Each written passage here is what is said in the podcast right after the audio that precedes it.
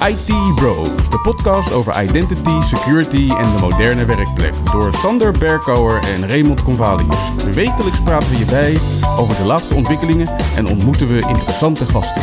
Volg onze podcast op Spotify of iTunes en stel je vragen op Twitter, ITBrosNL. Ik ben Raymond Convalius. En mijn naam is Sander Berkouwer. Welkom bij aflevering 14 van seizoen 3 van de IT Bros podcast. Met in deze aflevering het meest recente nieuws, aankomende evenementen volgende week en een nieuwe productiviteitstip. Ja, eigenlijk op een oud onderwerp. Nou, en een nieuwe productiviteitstip van Ray.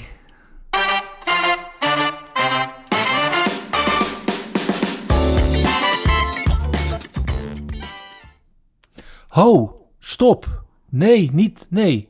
Niet gelijk doorspoelen. Want er is iets geks aan de hand deze aflevering. We hebben geen Windows nieuws. Gewoon geen nieuwe builds voor Windows. Het wordt een korte aflevering. Ja, zomaar. Maar wel nieuwe hardware van Microsoft. Want Microsoft kwam deze week met de nieuwe Surface Dock op basis van Thunderbolt 4. En dat is best wel opvallend nieuws, want tot nu toe hadden alle Surface Docks hadden een zogenaamde Surface Connect aansluiting. Ja. De proprietary aansluiting van de Surface lijn. Mhm. Alleen sinds volgens mij de voorlaatste generatie Surface systemen hebben die systemen ook gewoon een USB-C connector. Met soms ook ondersteuning voor Thunderbolt. En deze nieuwe docking station heeft dus alleen maar een USB-C aansluiting. Ik weet niet of ik er blij mee ben. Het kan een voorteken zijn dat Microsoft misschien afscheid gaat nemen van de Service Connect aansluitingen op de volgende service generatie machines. Maar dan zou ik er wel blij mee kunnen zijn. Want dan zou het misschien wel betekenen dat er inderdaad ook weer twee USB-C of misschien een USB-A en een USB-C aansluiting voor in de plek terugkomen. Wie weet, in ieder geval die Surface Dock die is goed voorzien in aansluitingen, want die heeft op, aan de voorkant dus één USB-C aansluiting en een USB-A aansluiting. Ja. Aan de achterkant heeft hij twee USB-C aansluitingen en twee USB-A aansluitingen. Met daarnaast nog Ethernet, audio en een security slot. Ja, dus je kan er zes Fido 2 sleutels aan kwijt. Ja, inderdaad. Oké.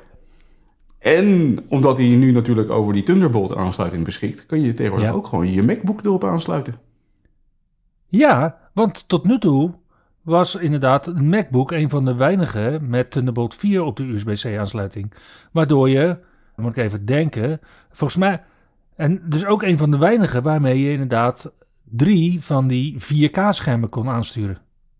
Ja, maar dan moet je wel een MacBook Pro Max hebben, meen ik. Die heb jij toch?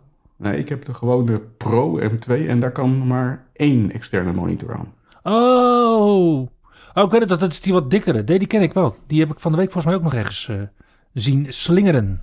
Inderdaad. Maar goed, het is eh, best opvallend nieuws dat Microsoft lijkt weg te bewegen van de Surface Connect aansluiting. En en dat is natuurlijk wel goed nieuws voor bedrijven, omdat je nu kunt standaardiseren op een dock waar USB-C op zit, wat heel veel organisaties al hebben gedaan. Mhm. Tenminste, de, de Dell-docks daar, die zijn daarin bijna berucht, Ja, omdat ze ook een USB-A naar USB-C verloopje hebben. precies. Maar USB-C lijkt op deze manier de standaard van de toekomst te zijn. Niet alleen voor mobiele telefoons, maar dus ook voor docking stations. Helemaal.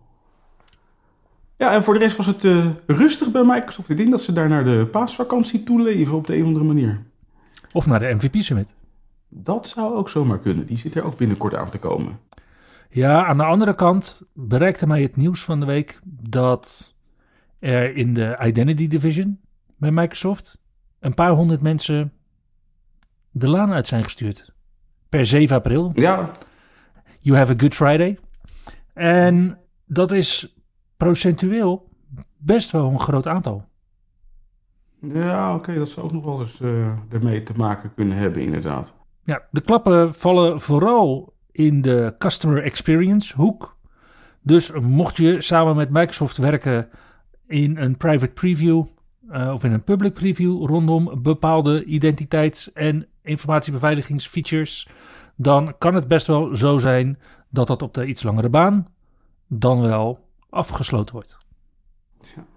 Ja, bij Google eh, hebben ze volgens mij afgelopen week geen mensen ontslagen. Maar nou ja, misschien dat er toch wel iemand op de nominatie staat om ontslagen te worden. Na wat gegogel met eh, de bestandslimiet op Google Drive. Er heeft iemand uh, gepoogd loopbaan-euthanasie toe te passen? Daar lijkt het wel een beetje op. Zonder aankondiging en zonder documentatie was er opeens een limiet van maximaal 5 miljoen items op je Google Drive. Ja, dat kan niet. Nee, je moet het wel, net als Microsoft, minimaal documenteren. Lijkt me wel, maar nu was er dus echt niks over te vinden online, totdat de mensen begonnen te klagen. En toen gaf Google toe dat ze inderdaad een limiet hadden ingevoerd en dit was om de stabiliteit van het platform te waarborgen. Oké. Alleen nadat er toch wel heel veel klachten over kwamen, hebben ze op 4 april besloten om deze limiet toch maar weer op te heffen. En ze zijn nu op zoek naar andere manieren om de stabiliteit van het platform te waarborgen. Dus. Dus als je nog op zoek bent naar een leuke site resilience engineer functie, hou dan de vacatures bij Google in de gaten. Ja, en uh, als jouw missie is om Google Drive instabiel te krijgen, maak gewoon zoveel mogelijk bestanden aan. Daar is vast een API voor. er zijn ook limieten in OneDrive trouwens. Ja, weet jij wat die Maar- limieten zijn toevallig? Ja, volgens mij is het iets met eh, 300.000 objecten die je kunt zinken met OneDrive in ieder geval. Ik zal eens even kijken of ik daar iets over kan vinden. Ja, maar het is in ieder geval gedocumenteerd. Ja, ja, laten we even kijken hoor. Eh, number of items that can be synced or copies. hè? When using the OneDrive website, you can only copy up to 2500 files at one time. Yep, en En- met zinken. We recommend syncing no more than a total of 300.000 files across your cloud storage. Ja. En wat zei ik net? Ik zei, ja, ik zei 300.000, ja. Ja, ja.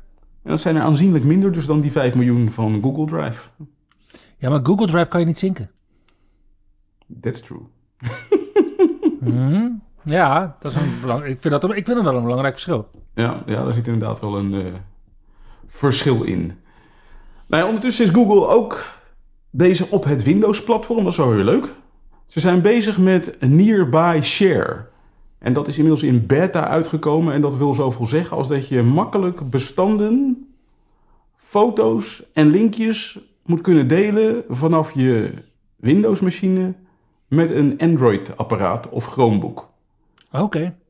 En daarvoor moet je een app installeren op Windows.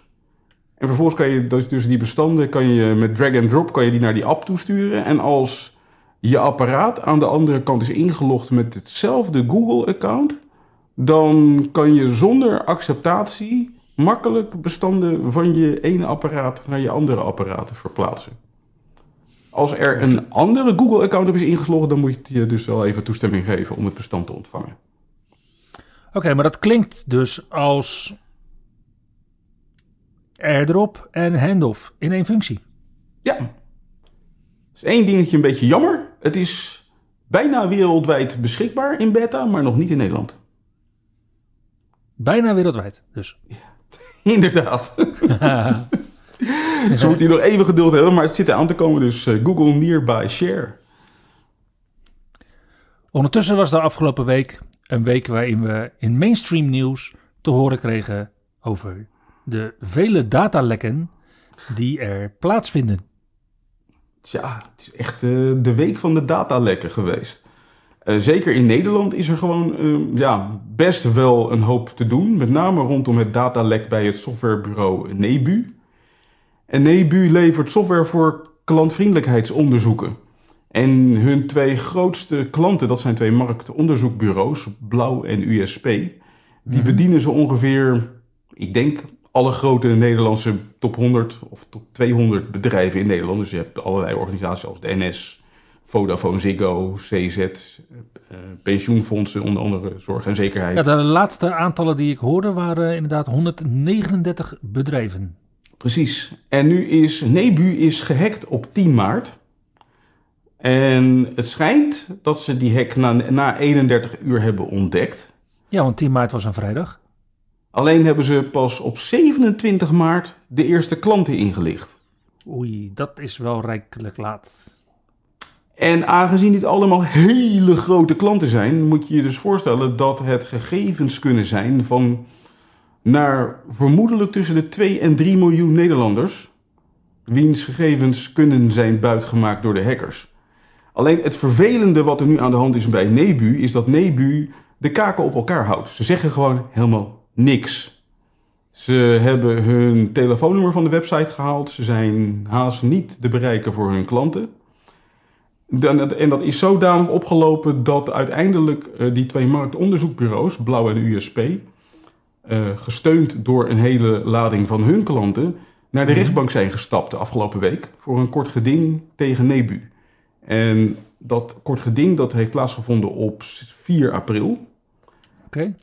En op 4 april heeft de rechter gezegd van nou, hij snapt dat Blauw en USP openheid van zaak willen hebben. Maar heeft ze toen nog twee dagen de tijd gegeven om met Nebu in overleg te gaan. Nou, dat hebben ze gedaan. Daar zijn geen goede antwoorden uitgekomen. Want Nebu heeft duidelijk niet de intentie om openheid van zaken te geven. Het was zelfs zo dat Nebu erop aanstuurde om het kort geding achter gesloten deuren te laten plaatsvinden zonder publiek en pers. Want ze vonden van ja, er kan privacygevoelige informatie uh, worden vrijgegeven tijdens de rechtszaak en bedrijfsgevoelige informatie. Nou, daar ging de rechter niet in mee. En vervolgens is er een uitspraak geweest op 6 april. En daarin heeft de rechter aangegeven dat Nebu volledige openheid van zaken moet geven. En als het bedrijf dat niet doet, dan kan er per dag een dwangsom van 25.000 euro worden geëist met een maximum van een half miljoen euro.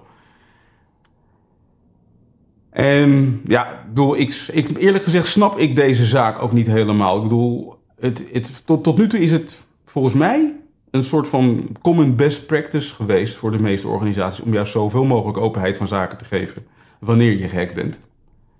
Dus ik weet ook niet welke dienstverlener hier nu advies geeft aan Nebu, maar ik zou ze, als het zo blijft, niet aanraden aan, aan mijn klanten. Nee, niet echt. Want ja, ik bedoel, kijk, van die hackers is in ieder geval bekend dat ze toegang hebben gehad tot een wachtwoordkluis van Nebu. En ja, en, en met al die miljoenen personen wiens gegevens potentieel op straat zijn komen te liggen. En waar het voor mij een beetje op lijkt, is dat Nebu geen idee heeft wat die hackers precies hebben bemachtigd. En eh, volgens in ieder geval Blauw en USP is het onderzoek wat er is gestart na de hack ook van onvoldoende kwaliteit geweest. En daardoor is het misschien ook gewoon heel erg lastig geworden om te achterhalen welke gegevens zijn buitgemaakt. Ja. Ik denk dat hier het laatste woord nog niet over is gezegd.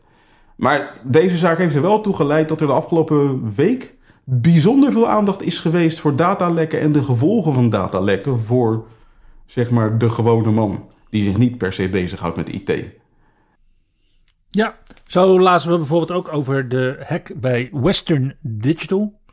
En de MyCloud opslagdienst van Western Digital is daardoor sinds 2 april offline.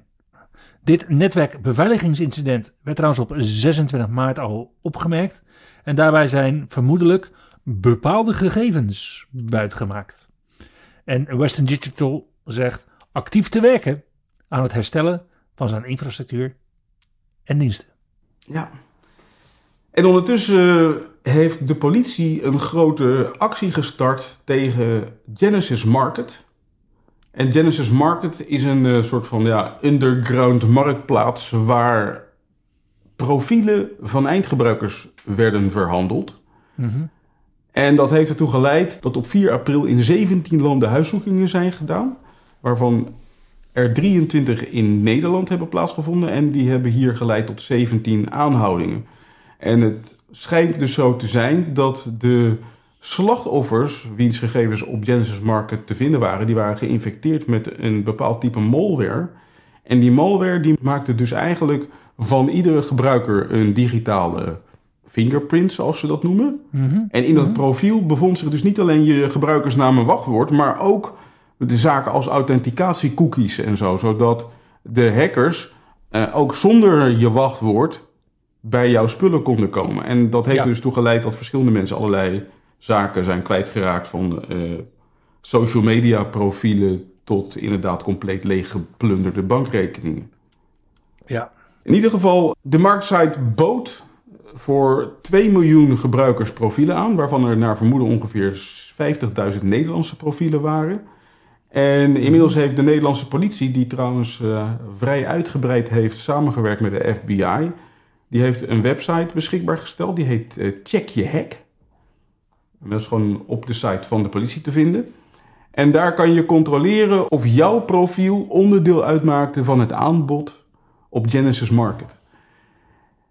En ondertussen is er ook samenwerking met Microsoft, zodat in ieder geval Windows Defender in staat is om de malware te ontdekken die gebruikt werd om deze profielen te verzamelen. Kijk. Dus eh, check je hack, zou ik zeggen.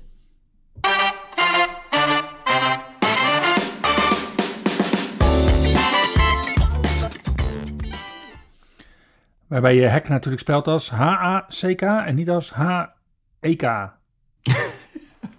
Inderdaad. Hij had eh, vroeger, maar dan hebben we het echt over decennia geleden, had je een hackerscollectief dat heette Klaphack.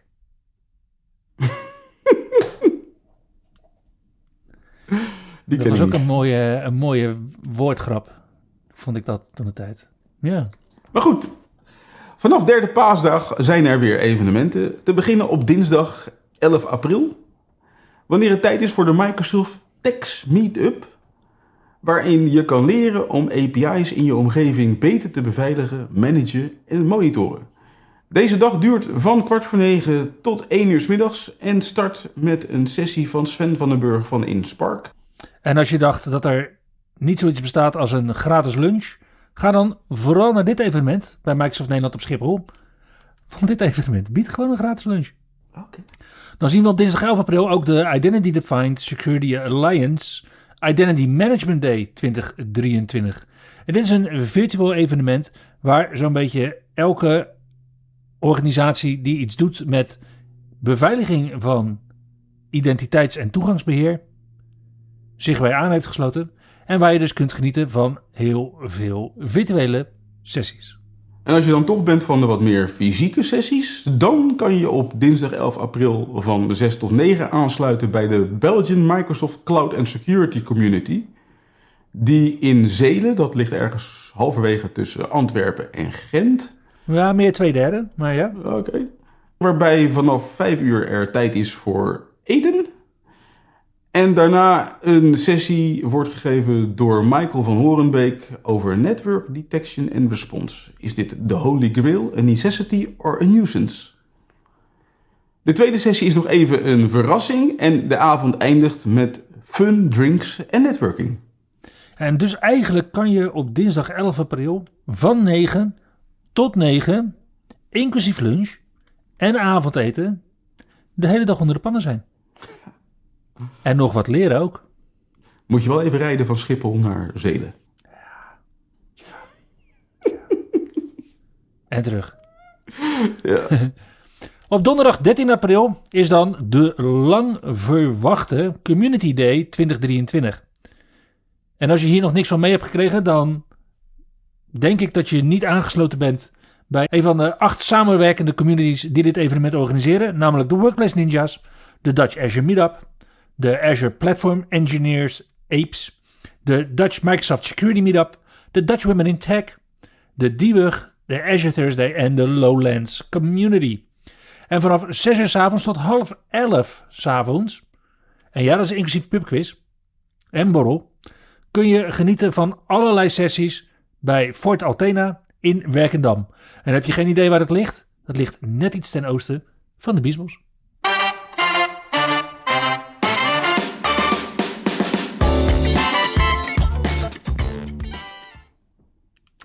Ray, wat is de productiviteitstip deze week? Nou ja, deze week was ik even met mijn Stream Deck aan het stoeien. En daar zal ik binnenkort wel, denk ik, wel eens een keer een eh, productiviteitstip aan kunnen wijden. Altijd goed, een productiviteitstip waar je hardware voor moet aanschaffen. Ja, doen het altijd goed, denk ik. Ja, precies. Maar in ieder geval, ik was op zoek naar een stukje software voor bij mijn lampen. En dat stukje software heet Control Center van Elgato. En uiteraard wilde ik niet naar de website gaan en het downloaden en installeren op de ouderwetse manier, maar gewoon met win-get install het installeren. Alleen ik kon het Control Center zo gauw niet vinden. Dus ik uh, gebruikte ouderwets gewoon uh, Google of Bing. En toen kwam ik op een hele leuke GitHub-pagina terecht, namelijk eentje van Scott Hanselman. En Scott Hanselman die heeft een script gepubliceerd waarmee hij op zijn nieuw geïnstalleerde PC in één keer al zijn applicaties installeert. Het, het script heet gewoon setupmachine.bat. Punt bad ook. Ja, inderdaad. Wauw. Maar waarschijnlijk als je het hernoemt naar PS1 werkt het ook. Ja, dat zou zomaar kunnen, ja, precies. Maar in ieder geval, wat mooi is, is dat het is een gigantische lijst van ongeveer 60 applicaties die Scott Hanselman dus op zijn nieuwe PC's installeert standaard. En daar staat onder andere dus tussen het Elgato Control Center waar ik naar op zoek was. Maar ook heel veel andere applicaties die wellicht handig zijn om je productiviteit te verhogen. Dus ik denk dat ik deze pagina sowieso ga gebruiken om in de toekomst nog een paar leuke andere productiviteitstips boven water te trekken. Mhm. En als je daar niet op wil wachten, dan raad ik je aan om deze lijst toch eens even goed te bekijken. Want de lijst is zeer gevarieerd. Het gaat van allerlei developer tools, uiteraard. Uiteraard. Scott Hansmal is bekend vanwege zijn developmentwerk. Maar bevat ook allerlei andere handigheidjes, zoals Camtasia, uh, ja, allerlei utilities, zoals ik het al had over Stream Deck en de Control Center. Maar ook wat game-gerelateerde zaken en ook gewoon productiviteitsdingetjes als Teams. En natuurlijk gewoon Spotify en allerlei andere zaken. Maar ook heel veel dingen die mij nog helemaal niks zeggen. Dus uh, ik ga binnenkort hier uh, zeker nog even goed naar kijken. De link verschijnt uiteraard in de show notes op onze website. Mm En ik zou zeggen, doe je voordeel met dit script. Precies. En daarmee komen we aan het eind van aflevering 14 van seizoen 3 van de IT Bros podcast. Dankjewel voor het luisteren en tot volgende week. Tot de volgende keer. Je luisterde naar IT Bros, de wekelijkse podcast over identity, security en de moderne werkplek. Abonneer je op Spotify, iTunes of Google Podcast als je de volgende aflevering niet wilt missen. Heb je hints of tips? Laat dan van je horen op Twitter. ITBrosNL